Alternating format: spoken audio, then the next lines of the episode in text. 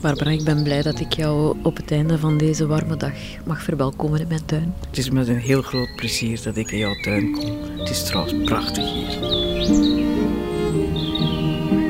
Hier staan veel hoge bomen en we zijn al even aan het genieten van een concert van twee solisten eigenlijk.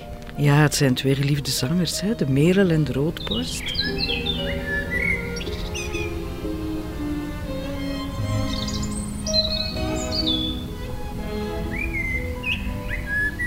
Merel zit daar heel hoog in die spar. En ergens in de buurt uh, bevindt zich daar die roodborst met zijn heel waterige, ijle zang.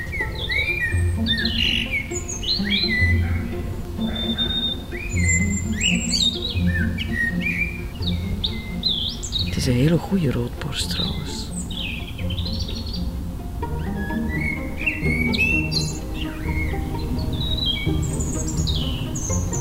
Die roodborst heeft een heel parelende, ijle, waterige zang.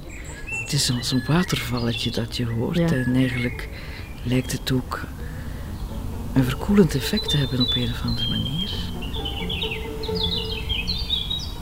Terwijl die merel een, een gorgelend geluid maakt dat door Gezelle beschreven is als orgeltaal. Gezelle zei van de merel, het is lijkt Davids psalmen, het is lijkt orgeltaal.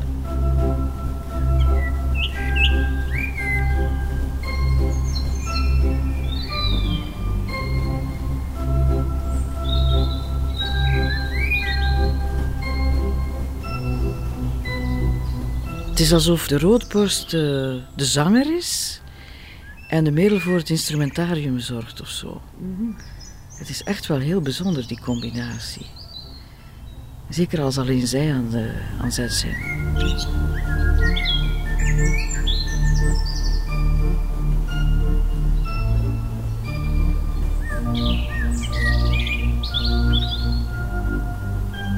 Die twee lijken ook echt te dialogeren met elkaar. Hè? Ja, die lijken op elkaar ingespeeld. Wij zullen natuurlijk nooit te weten komen waarover ze het hebben. Ze willen natuurlijk hun territorium verdedigen en ze zingen om een plaats te bepalen en op te eisen. Maar niets in dat lied straalt agressie uit. Integendeel, het is echt een, uh, een samenzang. Dus wie weet hebben ze het over meelwormen of over uh, de voederplank of over de zon of weet ik veel. Het zet aan tot sprookjesachtig denken. Het zet aan tot verbeeldingsvol denken. Op een bepaalde manier zijn die vogels ook aan het creëren of iets aan het maken. Ik kan me een bepaalde graad van onverschilligheid of totaal determinisme gewoon niet voorstellen. Ik weet dat dat horribel is voor een aantal biologen. Maar dat is dan maar zo. Natuurlijk, vogels zijn zeer zintuigelijke wezens en daarom ook bevallen ze ons zo.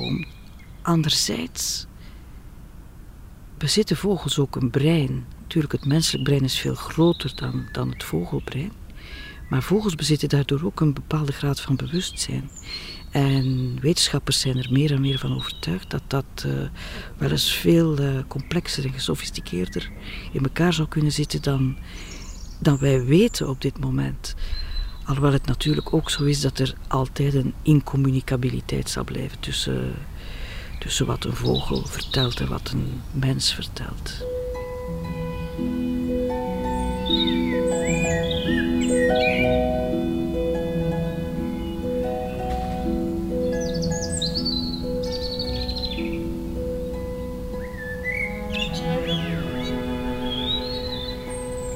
Het mooiste aan die samenzang is misschien dat, dat je het gevoel krijgt dat uh, in jouw tuin de merel en de roodborst zich heel gelukkig en welkom voelen.